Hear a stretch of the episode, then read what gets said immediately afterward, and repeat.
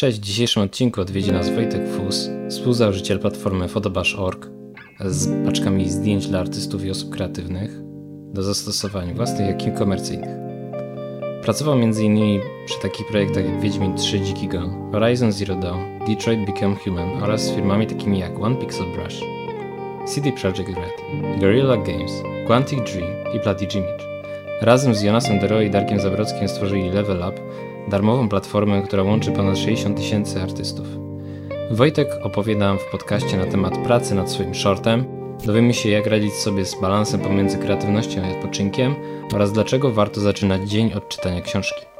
No to nic, no to zaczynamy. Także dzięki wielkie za, za zaproszenie.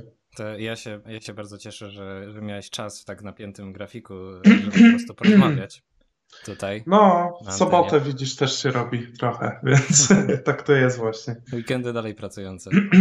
tak, no rzeczy dla siebie, więc e, teraz tak sobie zorganizowałem zlecenie właśnie, że pracuję e, w takim mieszanym trybie, robię 4 dni pracy dla klienta i dwa dni pracy dla siebie, no i jeden takiego jeden, takiego, jeden taki dzień odpoczynku dla siebie, prawda, gdzie najczęściej, no cel jest taki, żeby nie robić nic, więc żeby się zresetować. Tak? Czyli niedziela jest tak. taka niepracująca totalnie. Wiesz co, e, w tym tygodniu był piątek niepracujący wczoraj, bo się wybraliśmy na, tutaj ze znajomymi na rowery e, na Mierzeję, taki kontakt z naturą trochę, szczególnie w czasie tego wirusa, gdzie e, no, byliśmy zamknięci wszyscy przez jakiś czas, to odnowić ten kontakt z naturą to dla mnie bardzo ważne, bo zazwyczaj Dużo wyjeżdżam. E, to w związku ze stroną, którą prowadzę ze znajomymi fotobash.org, gdzie tworzymy zdjęcia referencyjne, e, z, którymi sami, z których sami też korzystamy, no ale w związku z tym wiążą się duże podróże, a przyszła korona i no i nie, nie mogliśmy nie jeździć przez jakieś, tak, ale wykorzystaliśmy, wykorzystaliśmy ten czas do maksimum, bo sam ban na e, podróże złapał nas, jak byliśmy na Wyspach Owczych, więc to było takie, e, to było takie zaskakujące, że wróciliśmy, byliśmy w kwarantannie przez dwa tygodnie, więc do oporu ten czas był wykorzystany tej wolności, nie? Niestety. Także. Tak, tak. No, złapało cię, jak, jak wracaliście tam przez Niemcy jakoś, tak? Autem? Gdzieś tak, to znaczy złapało nas na samych Wyspach Owczych, bo samo wydostanie się z tych wysp było wyzwaniem, um, bo mieliśmy problem z ustaleniem tego, czy wylot z Wysp Owczych do Danii to jest ruch wewnątrz Księstwa Duńskiego, czy to jest ruch międzynarodowy bo to nie było jakby ustalone, czy my podróżujemy między krajami tutaj, czy Wyspy Owcze są suwerenne od Danii, czy nie, bo był ruch mhm. międzynarodowy zablokowany, prawda? Ale no jakoś te loty latały jeszcze do Kopenhagi, więc udało nam się e, na ten lot wskoczyć i polecieć, um, polecieć jeszcze stamtąd do Niemiec i wtedy już samochód i tortura trasie przez 24 godziny. Także bo, nie, pole, nie polecam. Nie, nie dało się polecieć do Polski, tak? Czy coś ten stylu? Mm, tak, e, tak, tak, tak. Wszystkie polskie lotniska i polskie loty były zamknięte, więc na ten czas jedyne, co mogliśmy zrobić, to dostać się samochodem do kraju, więc no. to nie było zbyt ciekawe doświadczenie z kurkami przy granicy. Nie? I tak. No, ja, ja, ja, ja pamiętam, że Gdzieś tam w wiadomościach był taki, taka informacja, że jakiś pan się pomylił i wyjechał przez przypadek za granicę i potem wrócił do Polski i kwarantanna. No, dokładnie. Z tym, że my się nie, poli, nie pomyliliśmy, poleciliśmy tak, jak chcieliśmy, tak. ale no to wiązało się z ryzykiem takim, że może nas coś dopaść. Jednak no, my trafiliśmy na ten okres, gdzie Polska i tak wyjątkowo wcześnie zareagowała na e, wirusa w Europie. Um, nie spodziewaliśmy się też, że Polska zacznie reagować tak szybko trzasnęło nas niestety tam, no ale szczerze to nawet gdybyśmy zostali tam, to nie byłoby nam źle e, w, w tamtym otoczeniu wyspowczych, bo tam jest naprawdę pięknie. A trochę chłodno chyba tam. E, wiesz co, no, to był, kiedy to był luty, marzec, coś takiego. Um, chyba, nie pamiętam już. Na początku chyba, roku, no? Tak, tak, tak ale to moje klimaty, takie temperatury. Zdecydowanie. Jak, jak podróżuję, to głównie na północ, jakoś odnajduję się w tych takich mroźnych klimatach. Także a, I, może być.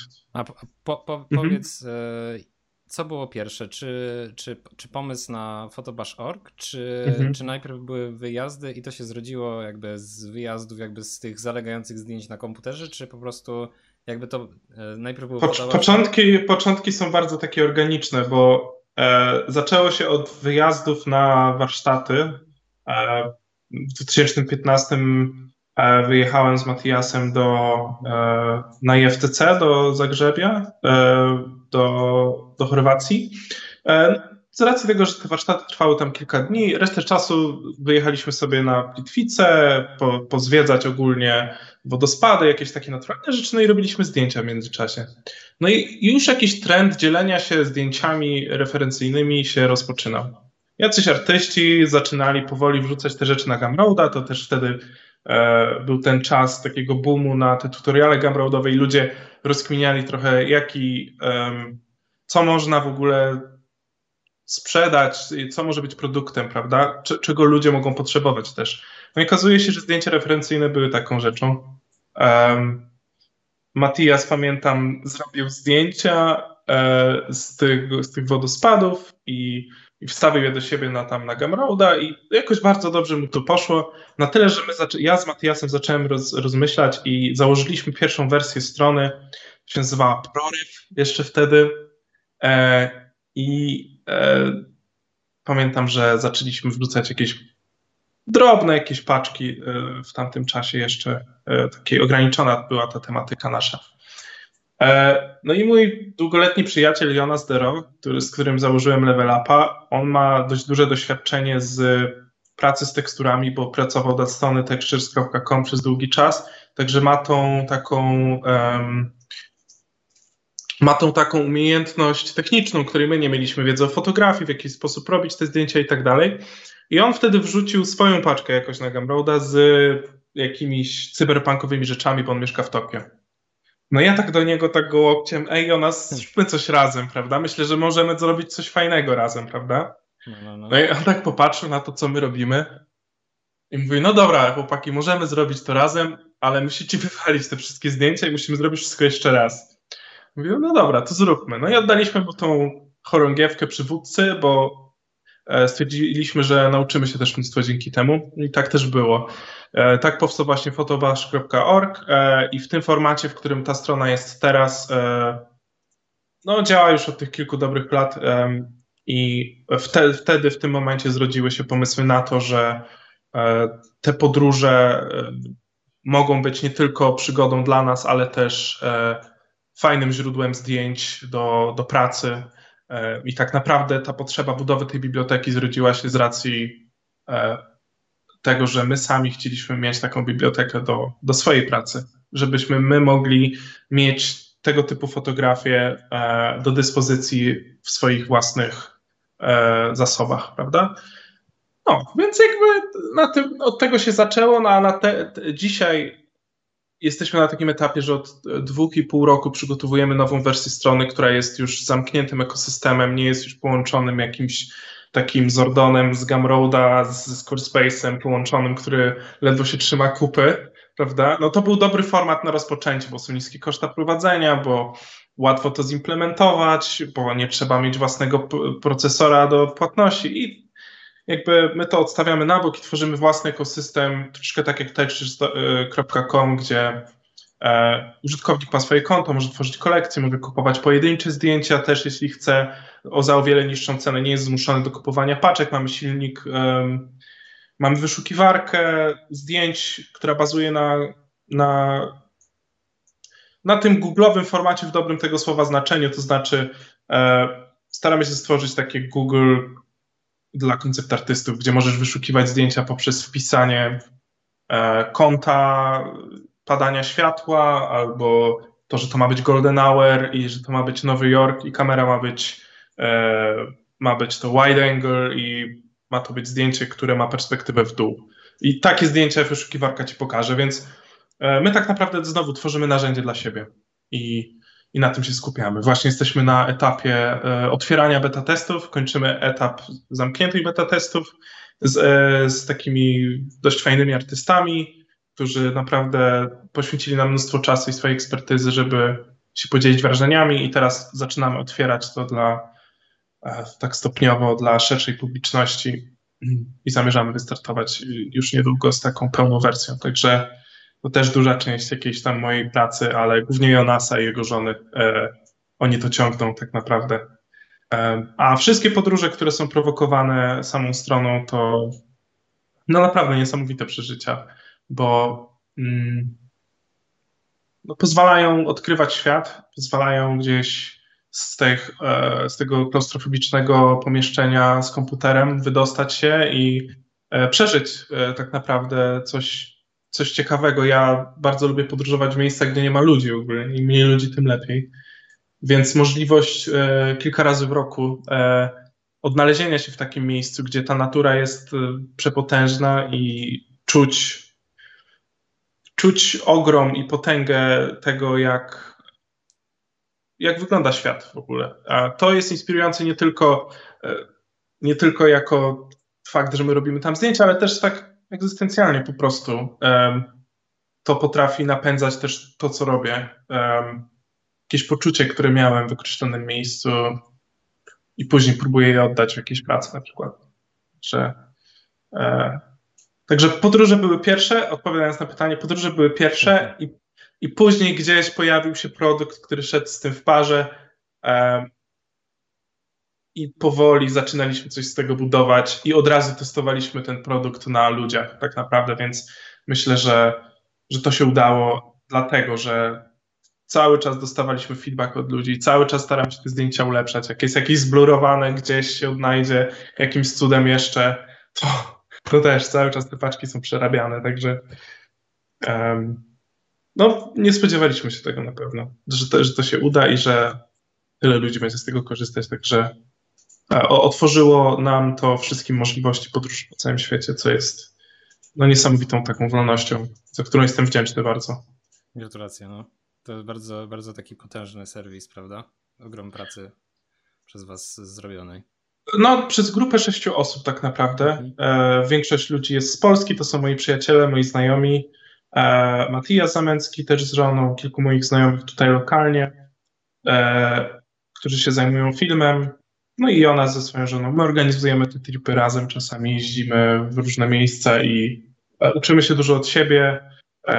To są też fajne przygody, fajny odpoczynek poprzez pracę tak naprawdę, bo no, nie oszukujmy się, to nie jest tak, że my jedziemy i możemy sobie leżeć. To jest tak, że mamy bardzo taki napięty grafik tego, gdzie mamy być w określony dzień, E, o której godzinie mamy wstać, żeby być na zachód słońca albo na, ws na wschód słońca. Czasem trzeba wstać o trzeciej w nocy, a czasem w ogóle nocy nie ma, tak jak ostatnio Norwegii, prawda? Cały czas był dzień i cały czas mieliśmy go, taki golden hour praktycznie. To też są fajne rzeczy, z tym, że go trudniej się zasypia. Więc to, to jest, są takie przygody bardzo intensywne, e, ale z pewnością z pewnością jakby dające taki wypoczynek mentalny bo fizycznie jesteśmy wycieńczeni zazwyczaj po czymś takim. E, mieliśmy taki intensywny wyjazd, ja z, e, właśnie z Marcinem, z moim kolegą, e, pojechaliśmy wyjątkowo we dwójkę, nie w trójkę do Jordanii, tylko na pięć dni na pustynię Wadirum. I poleciliśmy na północ, leciliśmy do stolicy, do Ammanu i musieliśmy się dostać tam 400-500 kilometrów na południe, na drugi koniec kraju tak naprawdę. Więc tego samego, to jest niesamowite, bo tego samego dnia wylatuje się z kraju, leci się te kilka godzin do Ammanu, z Ammanu jedzie się te trzy godziny i tak naprawdę w dniu, w którym się e, wsiadało do samolotu z Polski, e, wieczorem śpi się na pustyni w namiocie Beduina, prawda? To jest tak surrealistyczne, że tego dnia po prostu ja sobie myślę, wow, e, do czego ta nasza cywilizacja dotarła, że jesteśmy w stanie w miarę tanio przemierzać tak duże dystanse i doświadczać takiego ogromu e, i różnorodności kulturowej, gdzie nasi rodzice, myślę, jeszcze nie do końca mieli takie możliwości. Więc to jest wyjątkowa, e, no, wyjątkowy moment na pewno na podróże.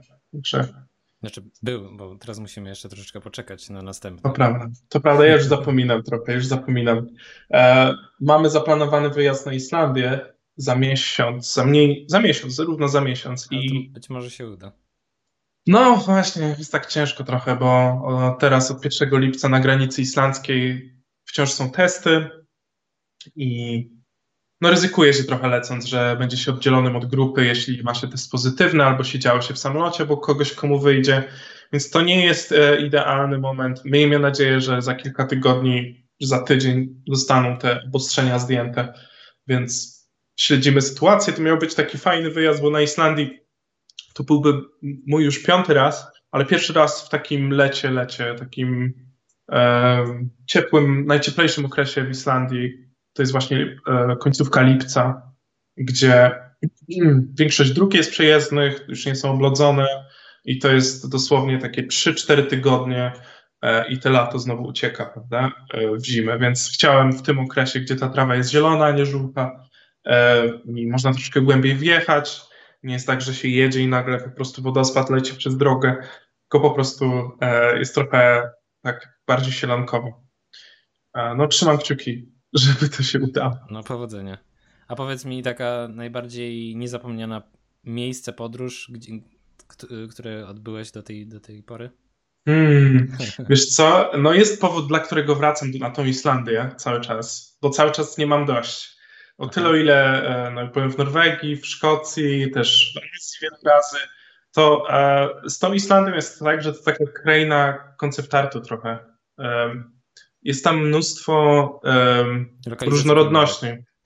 Lokalizacji filmowych tak, e, ale właśnie powodem do tego jest ta różnorodność e, tego mm, krajobrazu tam.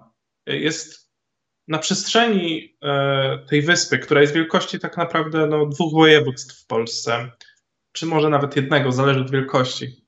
Ale um, ta różnorodność jest tam takie, się śmiałem z kolegą, że to trochę jak w World of Warcraft, że się jedzie przez jedną krainę i nagle jest granica i się przejeżdża do drugiej i na przestrzeni 100 metrów mam z zielonych jakichś pól mchu mamy nagle lodową krainę, prawda? I to dosłownie wystarczy przejechać przez mostek, nie? I, i nagle jest się gdzie indziej.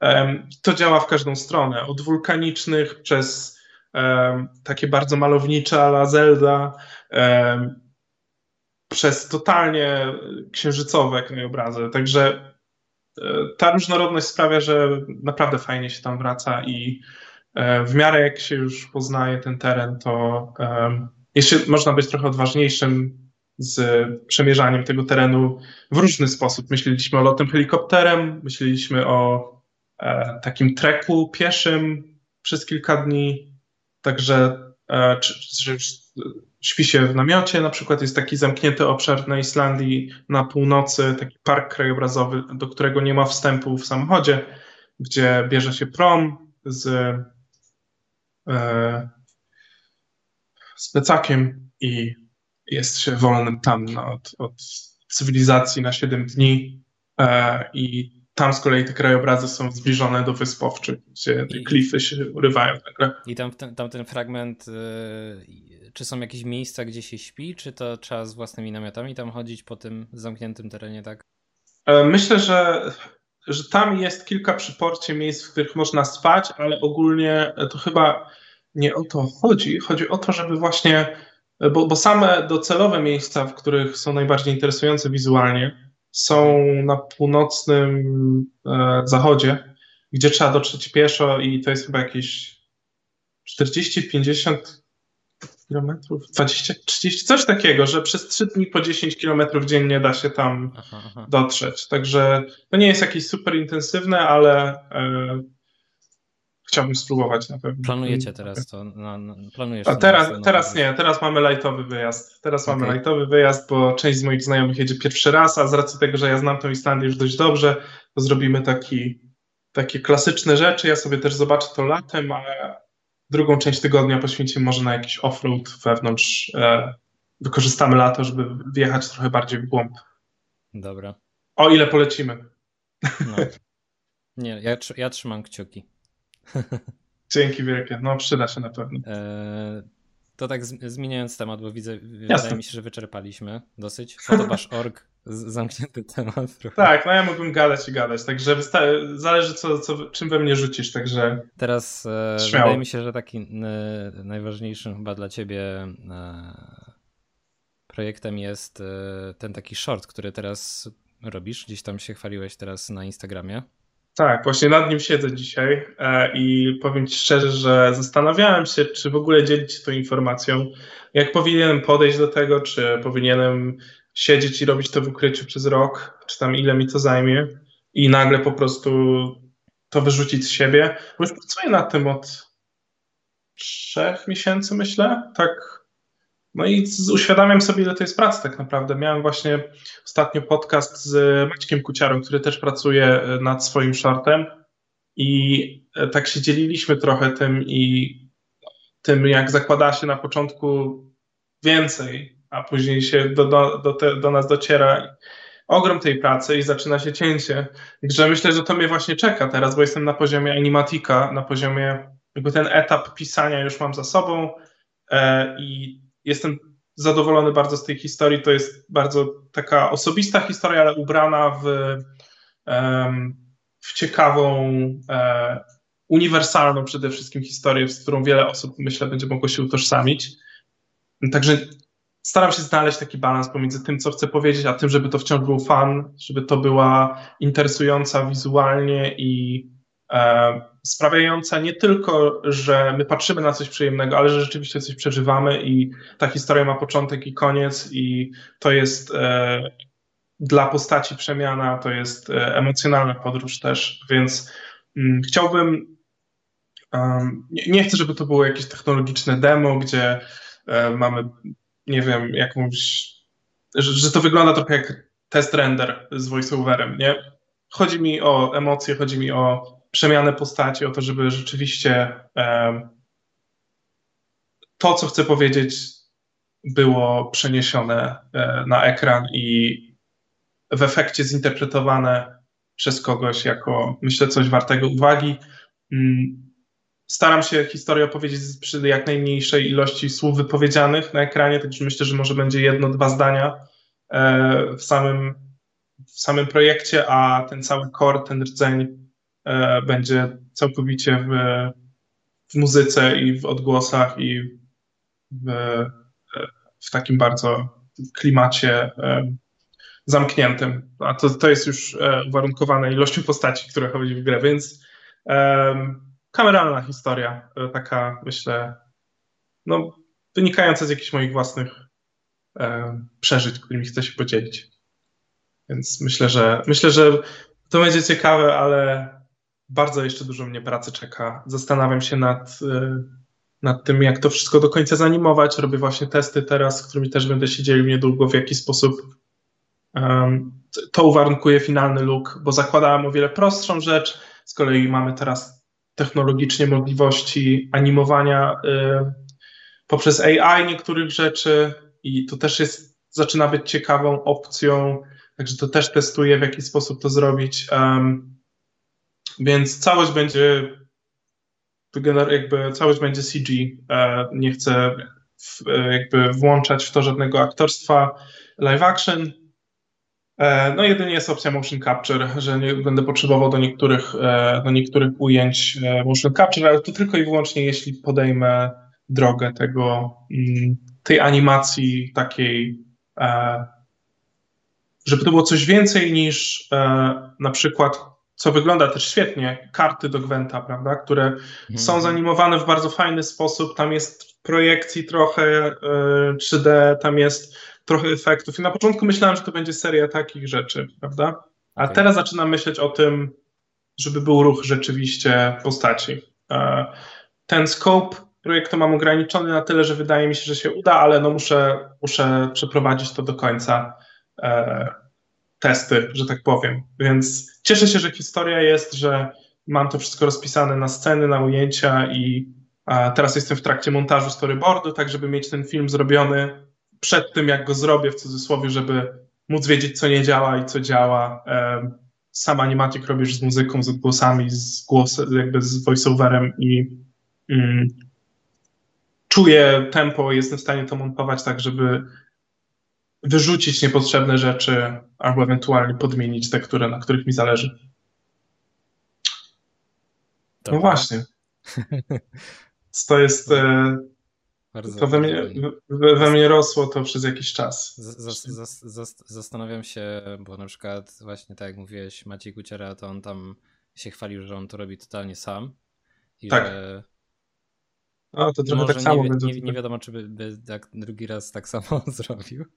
I, i, I pytanie do ciebie, czy na przykład ty robisz to sam i czy na przykład masz coś w planach, żeby jednak e, wziąć kogoś do pomocy e, z tym, chociażby... To, no właśnie, to zależy, od, to, to zależy od procesu na tym etapie, prawda? Jeśli em, sam muszę poznać proces do końca tego, czyli zalokować jakby stylistykę i animację tego, jak to ma wyglądać i w momencie, w którym będę wiedział, e, czym to ma być, jaki jest proces, jeśli będzie dużo powtarzalnych rzeczy, mało kreatywnych albo kreatywnych na tyle, że e, nie będę się czuł źle oddając to, albo że wciąż będę mógł mieć wpływ na to, mimo tego, że będzie to robić osoba obok? No myślę, że tak, jak najbardziej. Em, Ale na, na dzień dzisiejszy ograniczam tą współpracę do aktorów, którzy będą dawali mi głos. Na, mój przyjaciel będzie robił muzykę, już mamy jakby tej muzyki część i właśnie z tą muzyką pracuję na Animatiku, więc jakby mm, jeszcze może naiwnie wierzę, że jestem w stanie to zrobić sam, No. E, ale muszę, muszę, się, muszę się przekonać, zobaczymy. E, wszystko No. zależy od tego, jaka decyzja zapadnie, jeśli chodzi o, jeśli chodzi o tą animację, bo nie chcę narzucać na siebie zbyt wiele, e, jeśli chodzi o tą e, złożoność tego. Plus jest taki, że uczę się mnóstwo nowych rzeczy, których nie wiedziałem wcześniej. To wprowadza takiego, takiej ekscytacji nowej e, w mój workflow, bo no nie ukrywam, że po tych kilku latach, już dziesięciu prawie, robienia tak naprawdę bardzo podobnych rzeczy cały czas, czuję taki dysonans pomiędzy tym, czym moje prace są na tym etapie, a co ja, co mi się podoba i co ja czuję. E, To już są dwie różne rzeczy trochę, nie? Czyli te moje prace, no okej, są jakie są, ale mm, nigdy nie wkładałem zbyt dużo. E, zawsze jakby robiłem to, co mi się podobało w danym czasie. Dużo było uwarunkowane moim jakimś eksperymentowaniem z narzędziami. E, ten finalny look, prawda? Tego, czym te prace są. A mm, teraz coraz bardziej zaczynam pytać się, to też chyba po prostu zbliżam się do trzydziestki, tak to bywa, że zadaje się więcej pytań nie jak, ale dlaczego i po co. E, No i tych odpowiedzi szukam. Tak, tak, dokładnie. E, I to dobre pytanie, bo prowokują zmiany i myślę, że prędzej czy później do tego też by doszło, dlatego e, od, myślę, że od sierpnia już nad projektem będę pracował full time do końca roku najprawdopodobniej. Mam nadzieję, że się uda. Czyli, E, Zobaczymy. Mhm. czyli będzie taki prezent na gwiazdkę. A, nie zobowiązuję się do żadnego terminu, bo tak jak Maciek też mi wspominał, że tych terminów było wiele, e, to też jest pojedynek tak naprawdę z samym sobą i często się go przegrywa i mam nadzieję, że mi się uda, ale no nie jestem w stanie na dzień dzisiejszy powiedzieć, kiedy to będzie. W każdym razie, e, podobnie jak Maciek właśnie, też patrząc na jego workflow, Podróż. podróż z tym projektem, też chcę prowadzić otwarty development, że tak powiem, czyli chcę udostępniać i dzielić się tymi rzeczami, które myślę są interesujące, które może też e, komuś pomagają albo sprawiają, że ktoś może, nie wiem, widzi jakąś część tego projektu, która nie zepsuje tego finalnego odbioru. E, No stąd ta decyzja wczoraj, żeby wrzucić tą postać główną. E, Też nie bez powodu ta postać, ten pakunek ma zawinięty, bo za dużo by to zdradzało, więc finalnie jest tam trochę elementów, które, który, których będzie więcej, e, bo już mają coś wspólnego z historią, więc e, no jestem podekscytowany bardzo tym, e, czy ludzie w ogóle się z tym tożsamią, czy będą, jak- to odczują. I to jest trochę tak, że to jest kolejny projekt, który zaczynam, a tych projektów zaczętych mam bardzo dużo, ale to jest pierwszy projekt, który znaczy dla mnie tyle, który ma dla mnie taką wartość emocjonalną i taką. e, I te emocje są przeniesione na historię, myślę, w tak sprawny sposób, że jeśli to będzie przeniesione do końca na ekranie, to to mnie ekscytuje, to, że rzeczywiście w, niezależnie e, od tego, em, co ja sobie myślałem, to ta historia będzie funkcjonowała jako już osobny byt z tą wiadomością i to jest fajne. E, Nigdy nie wychodziłem dalej ponad sekwencję obrazków, więc teraz móc wyjść dalej i e, jednocześnie odpowiadając na pytanie sobie, mm, dlaczego i ta odpowiedź e, przy tym projekcie, dlaczego go robię, jest bardzo uzasadniona, czyli ten rdzeń jest w tym miejscu, w którym ma być, to sprawia, że ja mam tą energię, żeby wracać, a nie tak jak mam te 6 czy 7 czy 12 projektów rozgrzebanych, które są a tutaj ten, który robię, bo fajnie, tutaj, bo w Blenderze nowe, tutaj, bo tam nowe, nie? I tak się zaczyna, e, zaczyna się wymiękać po tych 40%, kiedy zaczyna się ciężka praca nad projektem, to, to może następny, nie? I myślę, że to naturalnie, nie? Że, że każdy ma gdzieś w sobie um, te podekscytowane dziecko z nową łopatką i wiaderkiem, że nagle my wow, nowe, nowe, nowe, nie? I już ma, ma się to, co trzeba, i teraz trzeba po prostu to zrobić, coś z tego porządnego, wtedy o, nowe grabki, nie? I gdzie indziej.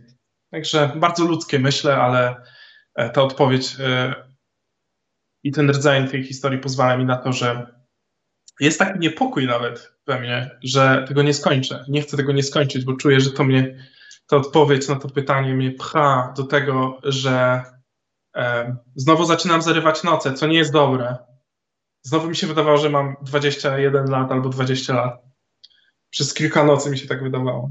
Bo ta presja tego, że chcę jak najwięcej, była tak wysoka, że po prostu zaczynam wracać do tych może nie do końca dobrych nawyków. E, no, ale płacę za nie następnego dnia, nie? Że po no, no prostu no, no, czuję, tak. psz, że już to już nie jest tak łatwo, nie? Że tu plecy bolą, nie? A tutaj te później cały dzień Kiedyś to było, że po prostu. Może było. Tak, tak, tak, tak, tak. No to nie było zbyt mądre, bo część troszkę się płaci za to teraz, um, po tych kilku latach, za tą swoją jakąś. E, no takie przepracowanie we wczesnych, że tak powiem, latach dwudziestych, to e, no to rezonuje gdzieś i wymaga jakiegoś innego podejścia teraz, żeby ten balans wprowadzać. Bez tego balansu mm, no byłoby mi trudno. Dlatego tak szybko po tych e, kilku nieprzespanych nocach stwierdziłem, że to nie jest tego warte, bo moja ogólna produktywność w skali tygodnia spada tak drastycznie, że że się wypalam, że palę głową w ścianę.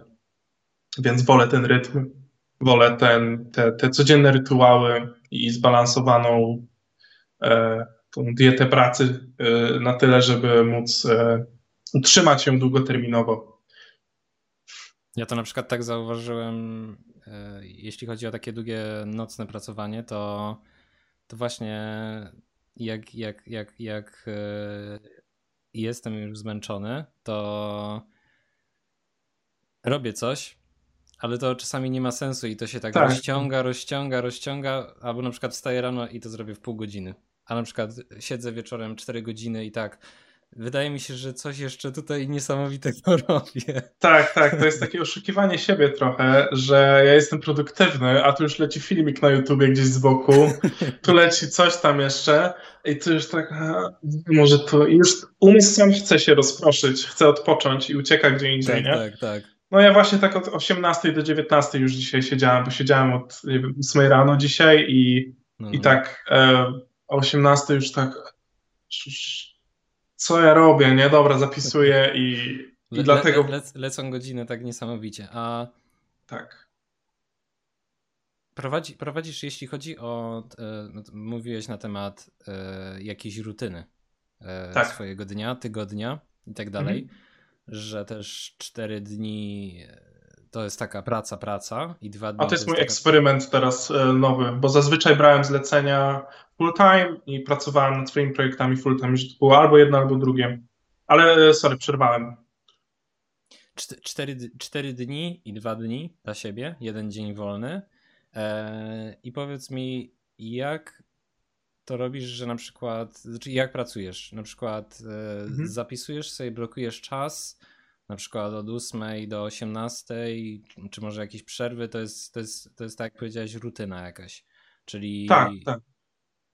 E, dla mnie przede wszystkim no, te wszystkie rzeczy, z których trochę, bo mamy upały.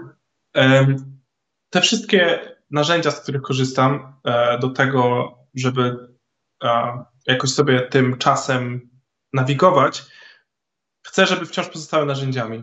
Ja jestem fanem struktury, ale nie chcę, żeby ona przejmowała nade mną kontrolę, czy żeby nie stresowała. Ja to robię po to, żeby odciążyć swój mózg z tego, żeby pamiętać, bo mózg nie jest zbyt świetny w pamiętaniu tak horyzontalnie tylu informacji. E, więc to taka, są. Taka myśl odsiewnia. Drugi mózg. Second brain, ja to nazywam trochę, nie? E, gdzie mam szereg narzędzi, którymi się posługuję po to, żeby to robić. To, to do organizacji czasu używam TickTick. To jest taki kalendarz bardzo fajny, zmieszany z to-do listem, że wszystko mam w jednym miejscu. Do takiej archiwizacji notatek, pisania używam Notiona. Jest tych narzędzi trochę, e, w których tworzę takie biblioteki danych, e, tak jakbym trochę szukał czegoś u siebie w głowie. E, na tym się to kończy. A jeśli chodzi o zarządzanie czasem, to. Mm, to robię to w blokach czasu najczęściej. E, czy bardzo często się zdarza, że mam coś do załatwienia w ciągu dnia, na przykład od 12 do 13, czy to jest jakaś wizyta u lekarza, czy to jest jakiś, um, muszę coś skądś odebrać, czy coś, no takie rzeczy się pojawiają, także ja wy, wystarczająco wcześnie chcę wiedzieć o tych rzeczach, także jest, przychodzi nadchodzący tydzień i widzę już w przód, o okej, okay, tu mam wizytę na przykład u fizjoterapeuty dwugodzinną, tutaj mam coś, coś, coś, to widzę już mniej więcej, że ok, że może w te dni nie będę miał aż tyle czasu, ile chcę na odpoczynek, albo tej pracy będzie trochę mniej. E, więc to budżetowanie czasem wynika też z wiedzy o tym, ile rzeczy mamy zrobić. Jeśli ja wiem, że ja konsekwentnie wszystkie rzeczy, które chcę zrobić, zapisuję, to ja nie stresuję się tym, że o czymś nie pamiętam. Wchodzę sobie w taki kalendarz i widzę, o, okej, okay, to jest to, co mam zrobić. A jak tego nie mam w kalendarzu, to ja tego nie zrobię. I ja już to wiem. Więc jeśli tego nie zapiszę, dokładnie przykład dzisiaj, trochę głupi, bo się zapracowałem, tak, siedziałem od 12 do 18, nie zajrzałem w to, co mi leci dalej dzisiaj, bo miałem duży blok czasu na jedną rzecz, e, no że prawie się spóźniłem na spotkanie z tobą. Tak, o 18.55 klikam Ctrl S tam w Resolve, coś tam, coś tam, włączam ten, o patrz, o kurde, nie? Dobra, działamy. E, ale widzisz, gdybym tego nie zapisał, to tego nie zrobił. Mam ten odruch, żeby sprawdzać. Szczerze powiem, zapomniałem, ale pamiętałem, że mamy to ustalone i wpisałem to w określony blok czasu. Także o to mi w tym chodzi przede wszystkim, żeby, żeby nie ignorować tych momentów, w których ten czas nam gdzieś wylatuje, prawda? I też nie chcę być kimś, kto nie daje sobie przestrzeni na odpoczynek. Jestem zwolennikiem tego, żeby ten odpoczynek zaplanować bo dla mnie wtedy, kiedy ja zaplanuję sobie, ok, ten dzień jest wolny, to ja rzeczywiście odpoczywam w ten dzień. A to nie jest tak, że ja trochę pracuję i mam poczucie winy, że jestem zmęczony, albo odpoczywam i mam poczucie winy, że nie pracuję. Chcę uniknąć te, tego rodzaju rzeczy. Jak pracuję, to pracuję, a jak odpoczywam, to, to rzeczywiście nie myślę o tym, co robię tu, albo robię rzeczy, które jakoś mnie regenerują e, i, i funkcjonuję w takiej przestrzeni odpoczynkowej. E, w innym trybie trochę w głowie. Więc e, mam swoje rytuały, mam rzeczy, które powtarzam codziennie, e, więc e, to są takie sloty trochę, nie? które wypełniam różnymi czytanie rzeczami. książek. Tak. Poranne czytanie książek to jest zbawienie dla mnie. To jest taka godzina medytacji trochę. No godzina to luksus. Zazwyczaj to jest od 30 tak do 45 minut, bo jeszcze tam muszę coś zjeść śniadanie. To jest taką godzinę rano na takie wyciszenie, na taki czas z, nie wiem, z kawą. Po to też wstaję wcześniej, żeby tą godzinę mieć przed, żeby mój umysł się rozgrzał trochę, żeby wprowadzić się w taki, e, żeby, um, kiedyś robiłem tak, że siadałem od razu do komputera i to było e, takie bardzo, że się dobudzałem, że też nie do końca jeszcze kojarzyłem te rzeczy, zaczynałem być głodny albo coś i to nie, było zbyt zdrowe. Dlatego teraz czuję, że dla mnie taką najfajniejszą rzeczą jest taka mm, bezpieczna przestrzeń na e, e, najczęściej no, czytanie. I najczęściej czytam, e, nie czytam fikcji w, w ciągu tej godziny, to jest najczęściej albo jakaś filozofia, albo jakieś um, takie książki self-helpowe, albo um, o produktywności, najróżniejsze rzeczy, czy, czy o storytellingu, o pisaniu scenariuszy. Są jakieś takie rzeczy edukacyjne najczęściej, które sprawiają, że ja się dowiaduję więcej o świecie, a już takie książki e, fabularne zostawiam sobie na samochód albo na jakieś spacery. E, więc ten poranek mam taki związany z tym. Taka energia, energia z książek bije, tych, tego typu. Tak. Dużo refleksji, tak, i z tych, tak. Mózg z tych książek też wie, wiele robimy, wiele rob, mówię robimy, bo razem z moim przyjacielem Matiasem Zamęckim mamy teraz taką fazę właśnie, że robimy notatki z tych książek, dzielimy się nimi, bo zauważyliśmy ile jest w Notionie, tak, zauważamy ile jest różnicy w tym, że e, tą książkę przeczytam, na przykład robię tak, że czytam jedną książkę, czytam drugą książkę, czytam trzecią książkę i wtedy jak już mam trzy, że tak powiem, przeczytane, wracam do tej pierwszej i robię notatki z niej i widzę, ile już zapomniałem. Nie? Bo daje się tej wiedzy odleżeć trochę, żeby nie robić też, e, nie lubię robić tych notatek od razu, bo to sprawia, że te czytanie książki jest takie zlagowane trochę, że robię pauzę. Tylko sobie ją zakreślam, coś tam sobie notuję w książce, e, więc e, no bardzo dużo pozytywnych zmian w moim życiu to wprowadziło, na każdym poziomie tak naprawdę, że otworzyłem te drzwi dla, dla tej chwili, dla siebie i chwili um, refleksji um, i ciekawości, e, która jest gdzieś spełniona, że um, to jest bardzo ciekawe, że jedna książka prowadzi do drugiej, że ci autorzy piszą te książki czytając inne książki i często coś nas zainteresuje i tworzy się taki ciekawy nurt e, tych rzeczy. E, I to bardzo jest ciekawe, ile można przeczytać, czytając tylko godzinę dziennie, czy nawet pół godziny dziennie. Że w skali tygodnia, w skali roku, no to się zbiera do 30-40 książek rocznie, więc no zależnie od długości, prawda? Bo są książki ciężkie, które czytam tak, że czytam jedną stronę i jest tak. Czuję się starszy o 20 lat, nie? Okej. Okay.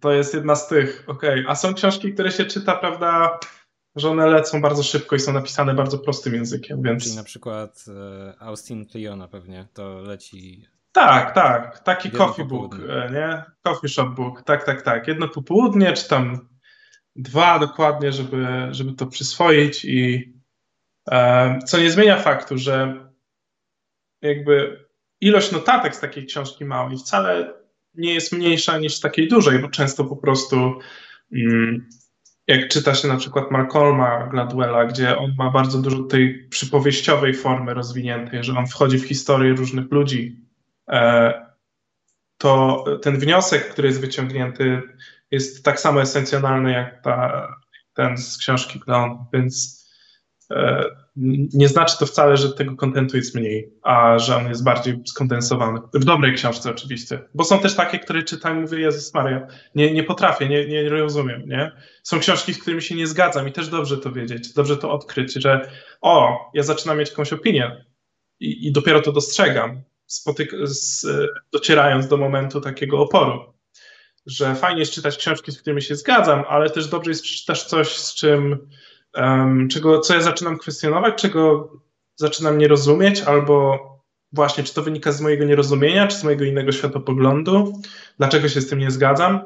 Jest to tak samo wartościowe jak czytanie książki, z którą się zgadzam i która mi pomaga, bo poznaję się siebie tak naprawdę i swoje granice, i swoją, e, e, swój taki światopoglądowy e, kompas, więc polecam ogólnie czytanie, jeśli ktoś się zastanawiał, to zawsze czytałem dużo, ale E, więcej fikcji niż takich książek, które e, były popularno-naukowe. Także polecam zacząć od 15 minut nawet dziennie e, od tematu, który rzeczywiście Cię interesuje i to jest to jest Dobra. taka takie nasionko. Czyli tak, czyli mamy już motywację dla słuchaczy i, i oglądających. Tak.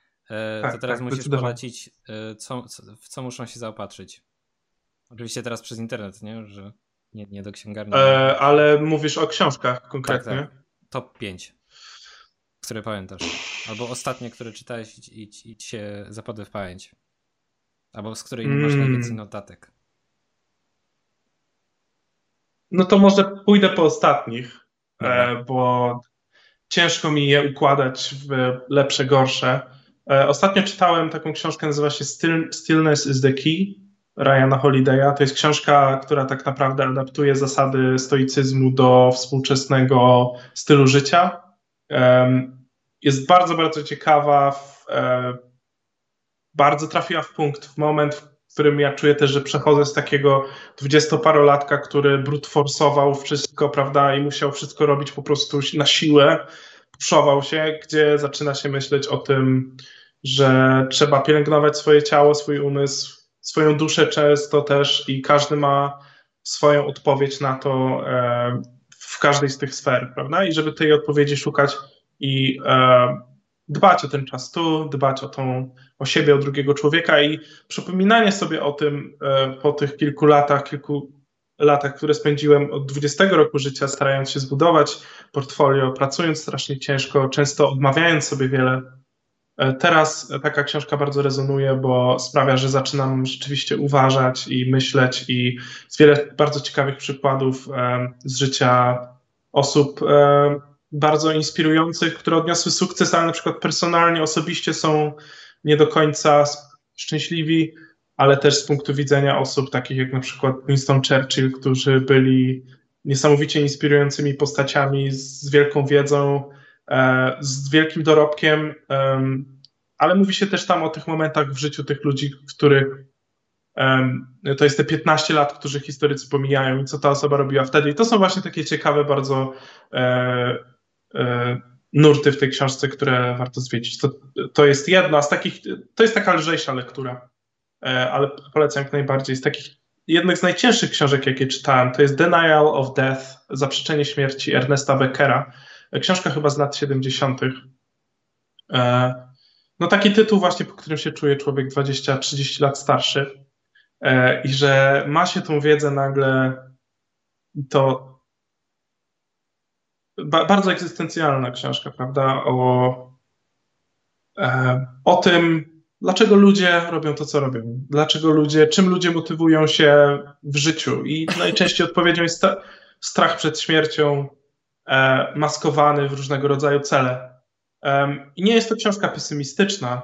Jest to książka bardzo realistyczna, pozwala jakby odkryć wiele schematów, którymi rządzą się społeczeństwa, osoby, czy nawet E, jakieś pojedyncze dysfunkcje czy e, choroby psychiczne, że one w większości wynikają z takiego bardzo głębokiego, głęboko zakorzenionego e, lęku przed niebyciem po prostu. I to jest bardzo ciekawe, gdzie moje, moje myśli gdzieś tam o, w tym temacie zawsze istniały i zawsze mnie to ciekawiło, że na takim bardzo rzetelnym poziomie, nie, nie duchowym, można zgłębić, e, e, może nie nieduchowym, a nie religijnym, e, można gdzieś to zgłębić. Prawda? Religia pojawia się w książce jak najbardziej i to też w bardzo ciekawej funkcji, którą, którą, która też jest, którą też w fajny sposób można przeczytać. Jeśli ktoś się czuje na siłach, to polecam, ale wiem, że przeczytam tę książkę za 30 lat i będę miał kolejny worek wiedzy, którego nie wyłapałem teraz, bo po prostu no mój mózg mi na to nie pozwala, bo jeszcze jestem młody i nie mam tego kontekstu, więc no i takie pewniaki to wiadomo, seria książek Austina Kleona, e, Still Like an Artist, Share Your Work i e, Keep Going. Ostatnio właśnie też czytałem, świetna, świetna książka, e, świetne takie drobne lektury. Um, jeśli ktoś jest zainteresowany wejściem w storytelling, to polecam książkę Into the Woods. Um, takiego brytyjskiego autora wielu sztuk e, teatralnych. E, on podchodzi do tej struktury opowiadania historii w taki dość luźny sposób. Czytałem wiele książek na temat struktury historii i e, chyba ta była najbardziej użyteczna, bo podchodzi do tego w taki najbardziej szeroki sposób i mm, nie jest kolejną książką guru screenwritingowego, który niekoniecznie wydał jakikolwiek film, bo to jest książka, która jest świadoma tego, czym jest i jednocześnie podaje tą wiedzę w taki sposób e, historycznie ciekawy. Nie, nie czerpie tylko z wiedzy filmowej i czym struktura historii e, filmowej jest, ale e, struktura e, formy dramatu, struktura starożytnych sztuk greckich, struktura też w ogóle historii, jak, jakie opowiadało sobie człowieczeństwo jak było jeszcze, że tak powiem, w zarodku kilkadziesiąt tysięcy lat temu. Także są bardzo ciekawe te wnioski w tej książce, że z takich lektur ostatnich to tyle. No, tak jak mówię, ten second brain mam po coś, więc e, nie pamiętam też wszystkiego do końca, tylko interesującego, co czytałem ostatnio. Pewnie bym sobie otworzył, tym sobie przypomniał, o to, o to też i tak dalej. E, więc e, tak, to z takich e, pewniaków to, to takie rzeczy właśnie. No, to ja muszę jeszcze sobie popatrzeć tutaj, czy e, z jakichś takich ciekawych pytań, które chciałbym cię, ci zadać.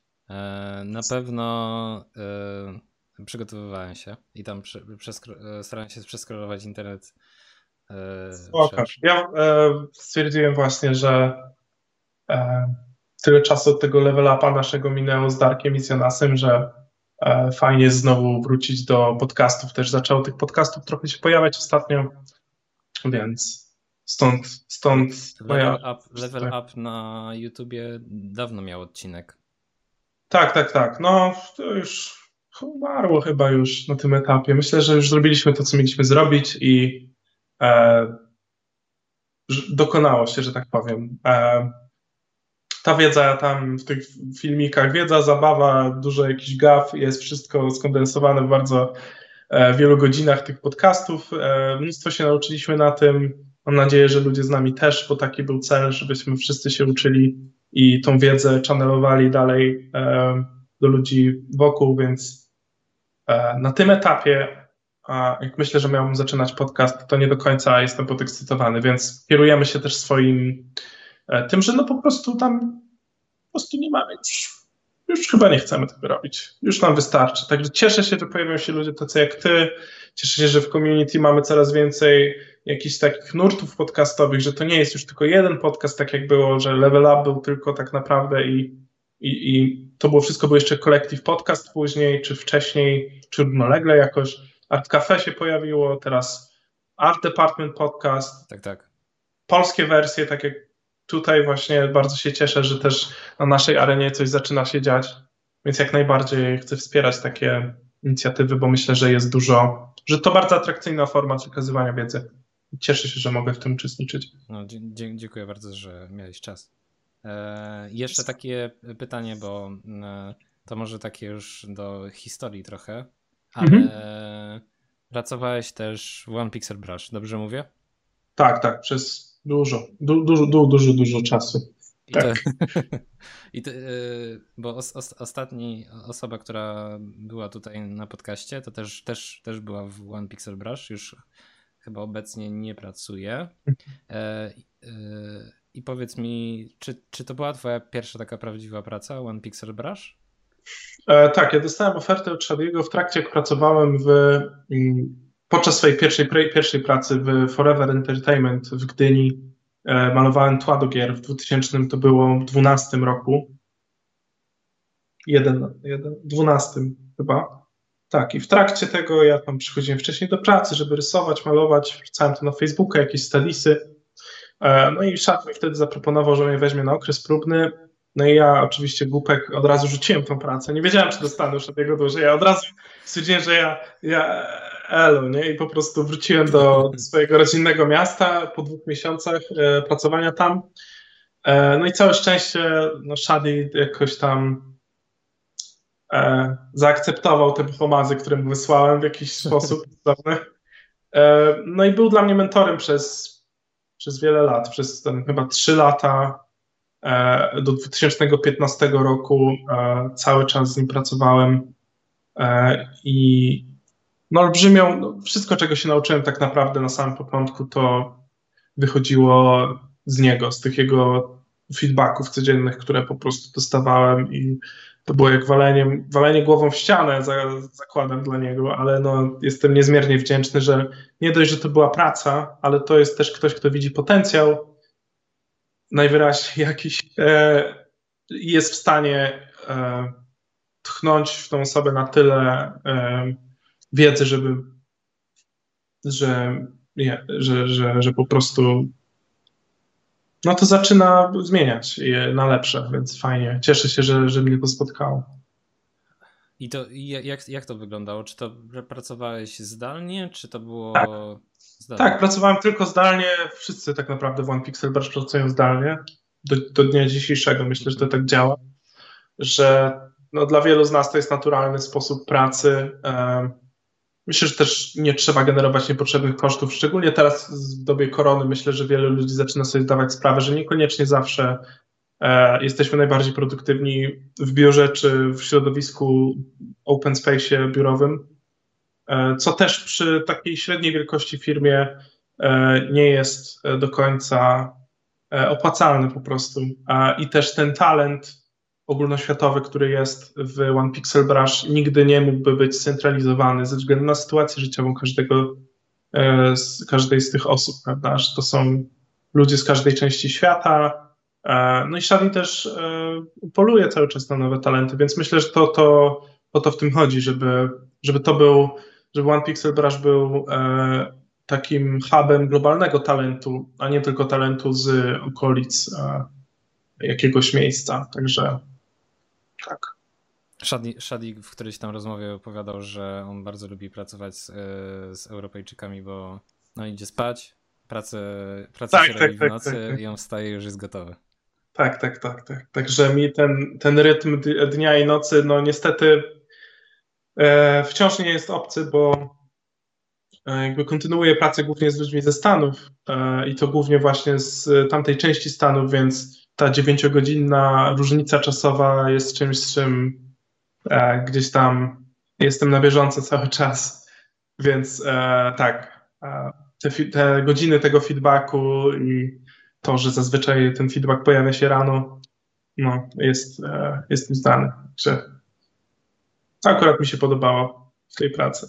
Zawsze czuło się, że jeśli coś nie wypali, to można zarwać noc, i, i pracować te kilka godzin dłużej, jeśli coś nie wyjdzie, bo ma się ten bufor tej, no, tej nocy jeszcze, nie? Także, tak. No, rozumiem. Um, twój tutorial e, odnośnie twojego workflow mhm. jest dostępny też do obejrzenia za darmo. Tak, tak. To dzięki NVIDIA. Także um, był dość taki trudny krok dla mnie, bo nigdy gdzieś tam w swojej wiedzy nie czułem się na tyle um, ekspertem. Ekspertem, dokładnie. Dlatego też nazwa twojego podcastu tak stwierdziłem. Z mistrzem, no nie wiem, no ale dobra, nie? Okej. Okay. Um, wszyscy, wszyscy właśnie, że... Ja muszę chyba zmienić nazwę. Za, za, za bardzo. No jest, jest to mocno, ale rozumiem, nie? Dla osób, które wiesz, szukają wiedzy i tak dalej, no to jaki jest tam jakiś punkt odniesienia, ale um, nie chcę się stawiać nad kimś, nie? że ja jestem tu mistrzem, ja teraz jestem wieszczem i teraz będę wiesz, obwieszczał wszystkim, jak się żyje, jak robić, żeby było dobrze. Zupełnie nie. E, więc e, czekaj, twoje pytanie było, aha, odnośnie tutoriala, że no ja tej wiedzy nigdy jakoś w tym formacie e, Gumroadowym czy tutorialowym nigdy nie udostępniałem, bo nigdy nie czułem się na tyle pewny siebie, żeby móc to zebrać e, w jedno i nie do końca zawsze wiedziałem, jak do tego podejść. Czy powinienem pokazywać swój workflow, czy powinienem tworzyć taki toolbox bardziej, z którego każdy sobie coś weźmie i złoży coś swojego. E, więc podejścia są różne, bo też w sposobie, jaki uczę, nie chcę tworzyć kopii samego siebie. Chcę dawać ludziom narzędzia do tego, żeby mogli wyrazić to, co chcą wyrazić. Do tego też wydaje mi się, że wiele tutoriali na Gumroadzie czy, czy gdziekolwiek w internecie też wpada w tą pułapkę sprzedaży jakby gotowego produktu na koniec, a niekoniecznie e, skupiają się na technice. Na przykład uwielbiam tutoriale Jamy, bo on nie narzuca konkretnego e, workflow, to jest znowu, to jest otwarcie tak naprawdę skrzynki narzędziami, pokazanie, ej, zobacz, ja robię to tak, tak i tak. Ja sobie wybieram tak naprawdę to, co chcę wziąć stąd i biorę. Z tym, że na każde tutoriale jest miejsce. Na te tutoriale, które prowadzą za rękę od początku do końca, myślę, że są piekielnie użyteczne dla tych początkujących, którzy potrzebują tego przejścia od A do Z. Są też tacy, którzy lubią przejść przez ten tutorial tak czy siak w taki sposób i później zrobić jeszcze raz, później dopiero im tak naprawdę w tym sitku zostaje tylko to, czego potrzebują. Więc e, no, ten tutorial to jest to, jak podchodziłem zazwyczaj do okładek, do takich marketingowych e, artów, które wymagają więcej pracy. No, takich rzeczy staram się unikać na tym etapie, już nie robić, bo one mnie wyczerpują, po prostu ich, ich długość i skomplikowanie i poziom e, ilości rzeczy, która tam jest i która ma być wykończona w wysokim detalu. Teraz mm, staram się skupić na właśnie pracach, które są szybsze, ale jest ich więcej i opowiadam jakąś historię przez jakiś okres czasu. Więc no tutaj podzieliłem się tak naprawdę tym, co było dużą częścią mojej pracy przez ostatnie lata, e, aczkolwiek robiłem wszystko, więc jakby e, czułem, że to może fajnie pasować na taki długi, e, czterogodzinny tutorial, w którym przechodzi się przez wiele narzędzi. Więc tak. Powiedz, powiedz mi, e, ile mamy jeszcze czasu, bo jest już. Możemy tak, do, możemy tak jeszcze z, z 15 minut pogadać, ludzi. Dobra. Okej. Okay. Mhm. E, to moje kolejne pytanie. Ja nawet e, zapomniałem go zapisać, ale teraz sobie dobrze, że przypomniałem, że. Bo, bo to chyba było pierwsze pytanie, które mi wpadło do głowy. Bo na Instagramie i Twitterze Mhm. E, pewnie nie, nie, nie będziesz mi w stanie odpowiedzieć na nie, albo tak, albo nie. E, Jasne. Bo to pewnie będzie e, tak czy siak tajne, ale i tak zadam to pytanie. Nie no, rzucaj. A się napiję wody czasie. Tak jest. Wrzucasz na Instagrama ostatnio jakieś tam, znaczy ostatnio i też wcześniej, fanarty z Wiedźmina. Prawda? Tam, tak, tak. więc e, panią e, reżyser, tak? On jest reżyser? Tagowałem reżyser? Może? Lauren, Lauren Hirsch. Tak, tak, tak, tak. Mhm. Tak. I, I to jest takie jakby, zakładam, że po prostu chciałbyś pewnie pracować też nad e, tym serialem. Aha. I... E, no Pytanie jest, czy już pracujesz, czy jeszcze nie? Wiesz co, na tym etapie to bardzo ciekawa historia, bo e, ja pracowałem z osobą, e, jak byłem w południowej Afryce, w, e, w Cape Town i pracowałem nad filmem, e, to tam pracowałem z osobą, która była producentem jednocześnie nad Wiedźminem. E, I e, ja tak naprawdę zupełnie przypadkiem z tą osobą weszłem w jakiś tam kontakt i zaczęliśmy rozmawiać o tym, jakby co się, że, że tutaj jest ta produkcja i że tutaj to i tamto i ja tę swoją ekscytację wyraziłem tam jak najbardziej, tym, że e, no, jak to dla nas Polaków jest ważne tak naprawdę, że to jest nasza gdzieś tam mitologia, ten Wiedźmin. E, no i ja w międzyczasie, będąc tam, robiłem te fanarty, e, bo to były rzeczy znowu wtedy, na tamten czas, dwa lata temu, rzeczy, które tak jak mówiłem, ja nie miałem własnych historii, które chciałem opowiadać jeszcze wtedy. Ja brałem te historie, które mi się podobały z popkultury i wokół nich tam robiłem sobie jakieś e, testy i zabawy. Także e, wtedy, e, na tamten czas, e, tamte prace e, wylądowały e, właśnie chyba na jakiś czas były zamknięte, bo to był fanart, który zacząłem sobie tak o, później wynik, wynikła z tego, wynik z tego kontakt z tym e, producentem e, i stwierdziliśmy, że wyślemy to do ekipy produkcyjnej, że może będą zainteresowani współpracą ze mną, e, więc e, no, na jakimś etapie tam pracowałem z Platidżem w efekcie nad, e, e, nad efektami specjalnymi i projektowałem jakieś efekty magiczne do pierwszego sezonu że jakąś tam drobną cegiełkę w tym mam, ale myślę, że za późno zacząłem się rozglądać tam za pracą, e, mhm. bo produkcja była na zaawansowanym etapie, była też e, dość zamknięta e, na Węgrzech. Ten zespół wewnętrzny tam bardzo mocno nad tym pracował, więc na pewnym etapie już sobie odpuściłem, stwierdziłem w zasadzie fajnie, będę się cieszył z tego, że mogę obejrzeć tak ważną dla nas media, jakby tak ważną dla nas e, część popkultury obejrzeć bez e, kolejny raz bycia wewnątrz i po prostu wiedzy o każdym najdrobniejszym szczególe, e, bo w pewnym sensie ta wiwisekcja tych, tych projektów, nad którymi pracuję, odbiera mi trochę radość, z, którą mogę czerpać z po prostu ich konsumowania, więc to, to, to jest właśnie jedna z rzeczy, które doprowadziły gdzieś tam do przewartościowania tego mojego tej mojej chęci nad pracy nad jakimiś projektami, bo no, te Gwiezdne Wojny, którymi się fascynuje, jakieś e, właśnie Wiedźmin, e, czy to CD Projektu, czy serialowy. E, I gdzieś tam po trochu byłem w stanie pracować nad wszystkim i widzę, że nie znajduję w tym takiej radości, jakiej myślałem, że znajdę.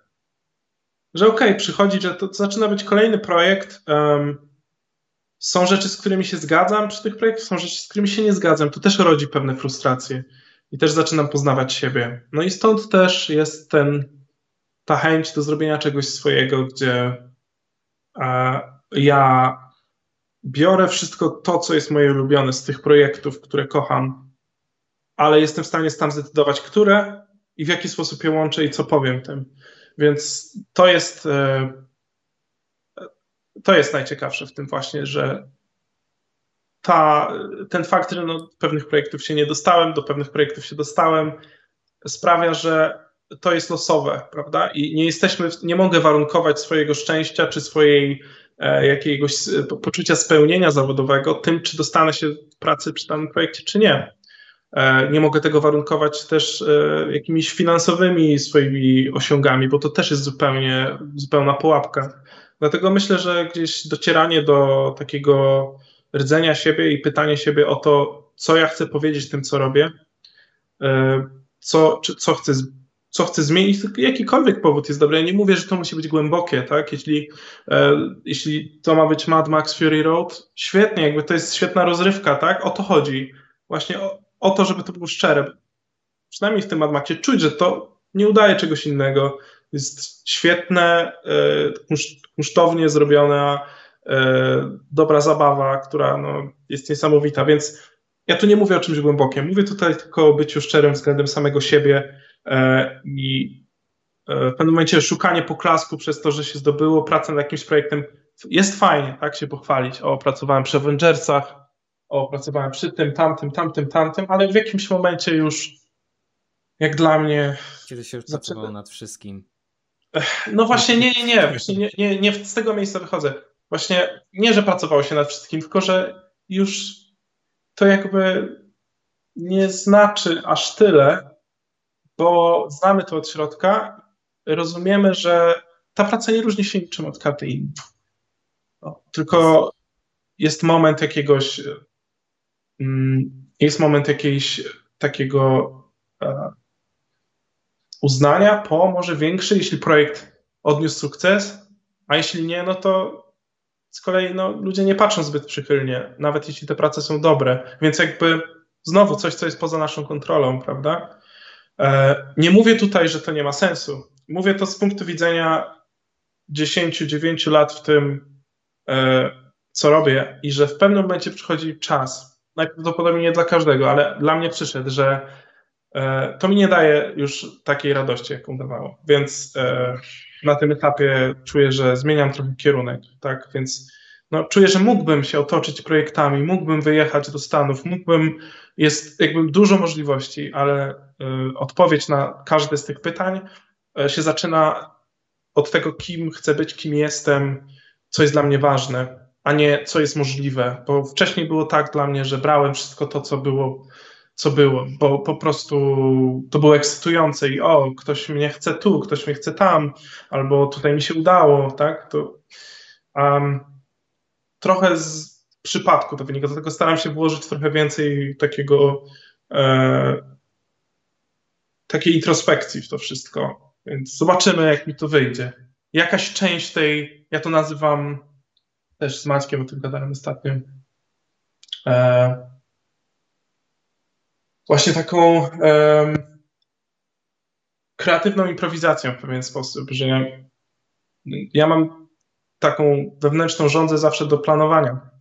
I ta strukturalność, e, tak jak mówiłem też, nie powinna ograniczać ani pętać.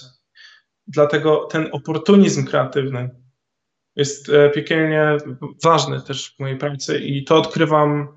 E, zacząłem odkrywać dość niedawno, że nie mogę wszystkiego włożyć w ramkę, bo to zamyka. Więc te ramki muszą mieć takie drzwiczki zawsze, które mogą się otworzyć, jeśli chcą, prawda? Mogą się też zamknąć, jeśli to jest wymagane, więc ja też muszę oddychać i muszę też oportunistycznie podchodzić do rzeczy. O co chodzi?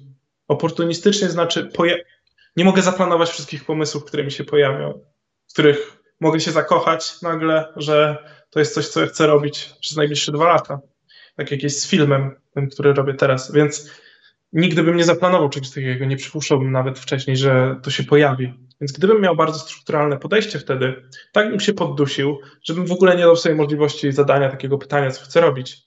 Więc ta strukturalność znowu, czuję, że to ma być narzędzie, a nie e, smycz. Żeby nie być e, niewolnikiem samego siebie do końca, prawda? Więc ta taka od czasu do czasu weryfikacja tego, czy ja robię wszystko tak jakby bo, bo, wiadomo, że można czegoś nie chcieć zrobić, bo to jest trudne i że jest się leniwym czasami, no to wiadomo, ale czy ja nie robię czegoś wbrew sobie? Na przykład, czy ja nie czuję presji z social mediów, żeby zrobić 10 szkiców w ciągu miesiąca, bo wszyscy wrzucają, a ja nie wrzucam? Czy to jest dobry powód, czy lepszym i, i w tym samym zabieram czas sobie od zrobienia czegoś innego, bo tak naprawdę powodem jest strach tego, że jestem do tyłu za każdym razem, jak włączam Instagram. Myślę, że to uczucie nie obce wielu ludziom, którzy są w tym industrii, że my tak naprawdę otwierając Instagrama widzimy tylko to, co zostało wyprodukowane, nie widzimy tego, co, co, co jest, co zostało niestworzone, czy nie widzimy tych 95% ludzi, którzy nie wrzucili nic dzisiaj. E, I przez to rodzi się presja jakaś, żeby pozostać gdzieś w tym, uczestniczyć w tym inspirującym hubie, prawda, ludzi, więc są, są, no to jest zupełnie osobny temat jeszcze, social media, więc staram się tak działać, żeby ten czas y, był na tyle otwarty, że ja jestem w stanie wciąż e, weryfikować to e, czy, i pytać się, często zakładam coś i myślę, że to jest dobry plan, ale żeby umieć go zakwestionować, no trzeba trochę odwagi, trzeba przystopować i zapytać siebie, czy na pewno, czy ja nie uciekam od tego, czy to jest, um, czy kwestionuję, bo rzeczywiście przestaję w to wierzyć, czy moje pobudki na samym początku były e, mylne. E, no właśnie, więc te wszystkie pytania e, warto zadawać, myślę, i e, kwestionować swoje wybory też, jeśli e, przychodzi na to czas, ale dobrze się zastanowić nad tym, czy czy nasze pobudki są dobre. E, dobre w sensie zgodne z nami. Nie ma, myślę, dobrych albo złych, po prostu e, no w sensie etycznym są, ale w kontekście takiej naszej pracy jest wiele kierunków, które możemy wybrać, a tylko jeden prawdziwy dla nas tak naprawdę, więc nie mówię nie eksperymentowaniu. I właśnie ta przestrzeń na eksperyment, ta przestrzeń na improwizację jest w tej strukturze na nie miejsce. I to też staram się robić w swojej pracy żeby w pewnych momentach, ok, mam tą strukturę dnia, czy tam tygodnia, czy projektów. W pewnym momencie jest czas, kiedy ja po prostu lecę i improwizuję. Tak jak muzycy na jam session, prawda?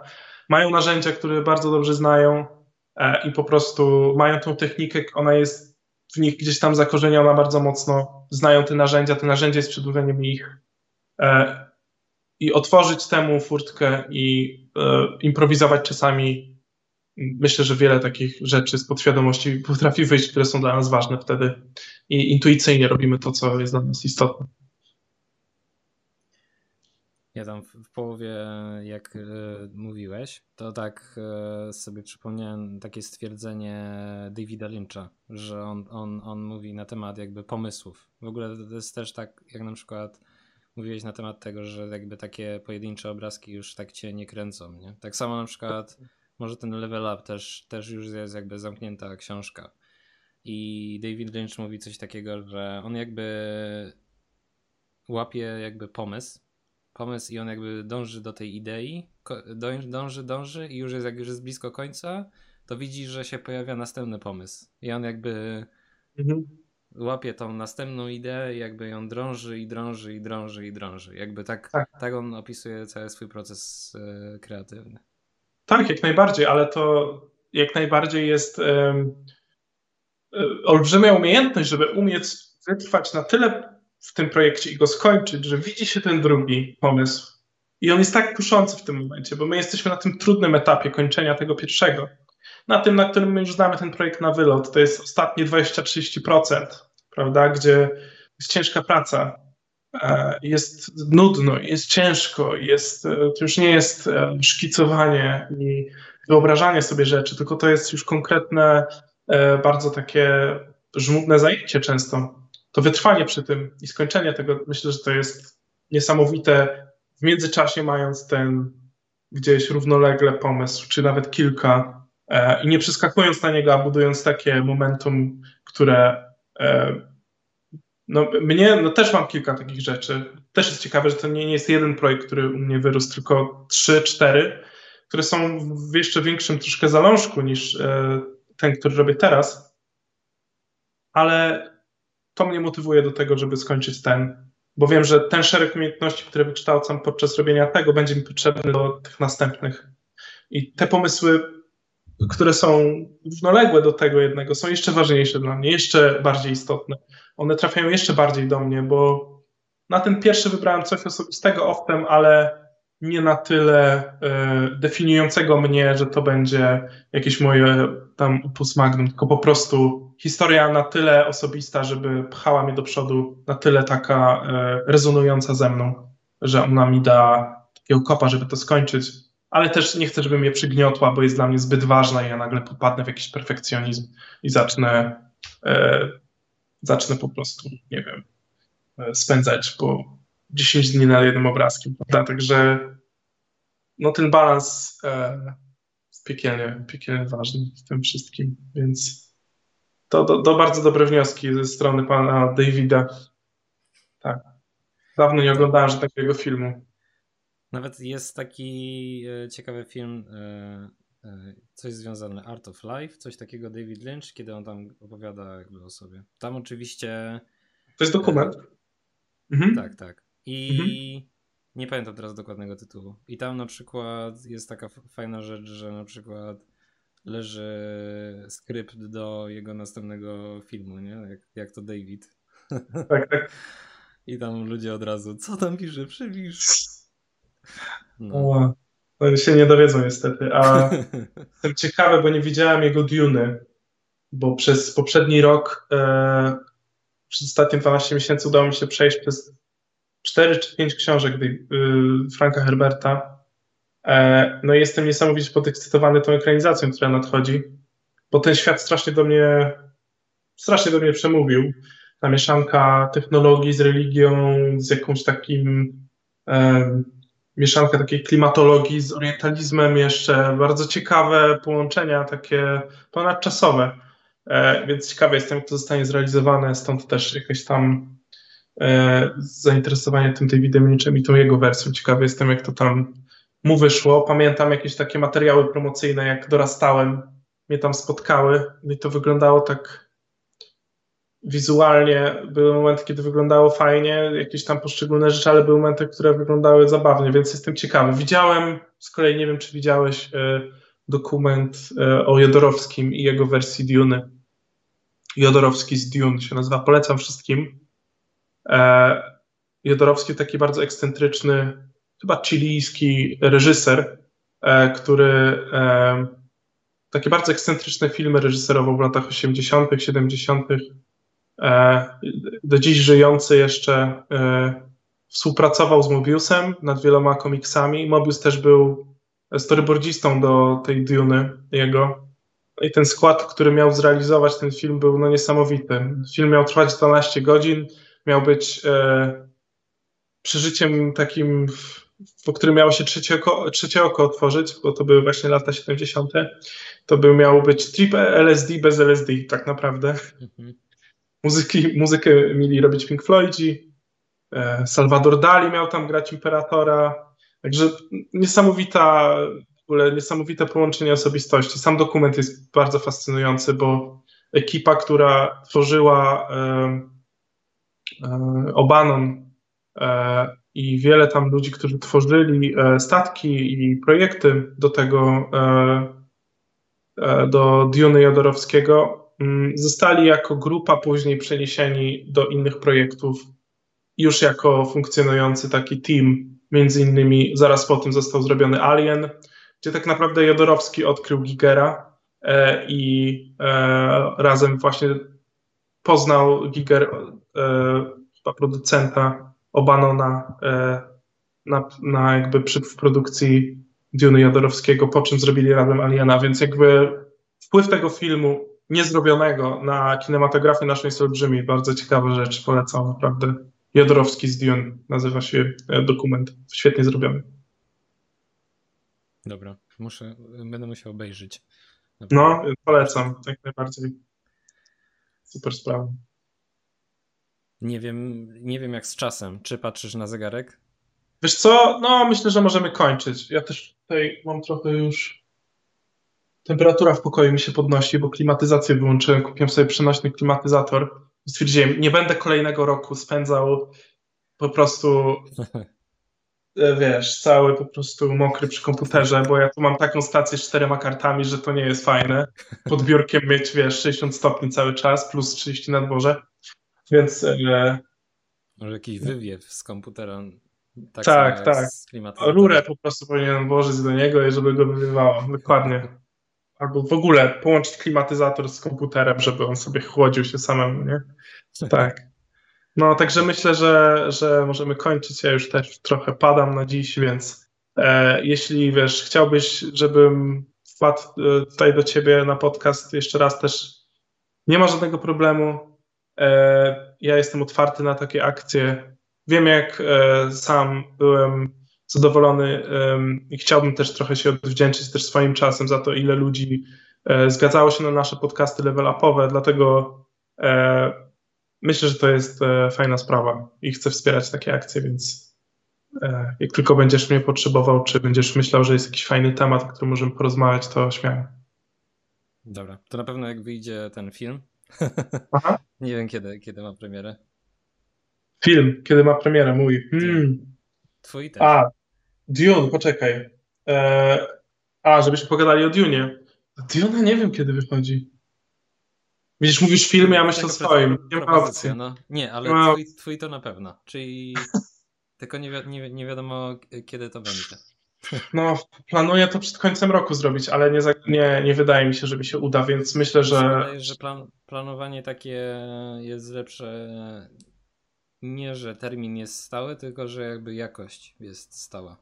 Tak, tak, tak, dokładnie. Szczególnie, że jestem jeszcze na tym etapie takiego scopingu, gdzie ja technologicznie szukam rozwiązań i jak to już będzie zalokowane, ja dopiero będę w stanie e, sprawdzić, ile czasu zajmie mi tworzenie poszczególnych ujęć e, i całej tej struktury, bo no, film w formie animatika, no da się obejrzeć, wiadomo o co chodzi, ale no to nie jest świetne doświadczenie, bo no to jest animatik, e, czyli po prostu seria bardzo szybkich obrazków, a nie to, czym to ma być, czyli też wizualnie coś, co chcę, żeby było e, fajne, więc Będę dawał znać na pewno, jak tam mnie śledzisz e, w social media, jak będziesz widział, że może jakiś punkt krytyczny się zbliża, więc wtedy uderza i będziemy w kontakcie.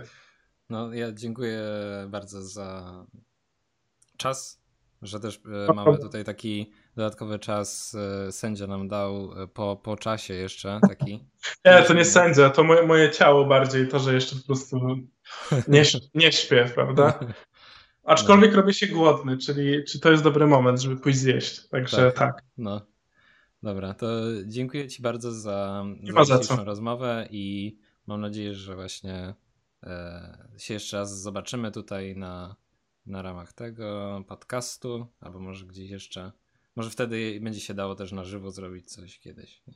Jak jeszcze Pewnie. otworzą wszystkie coś. Jak już wszystko się pootwiera, tak, za co tak. też trzymam kciuki.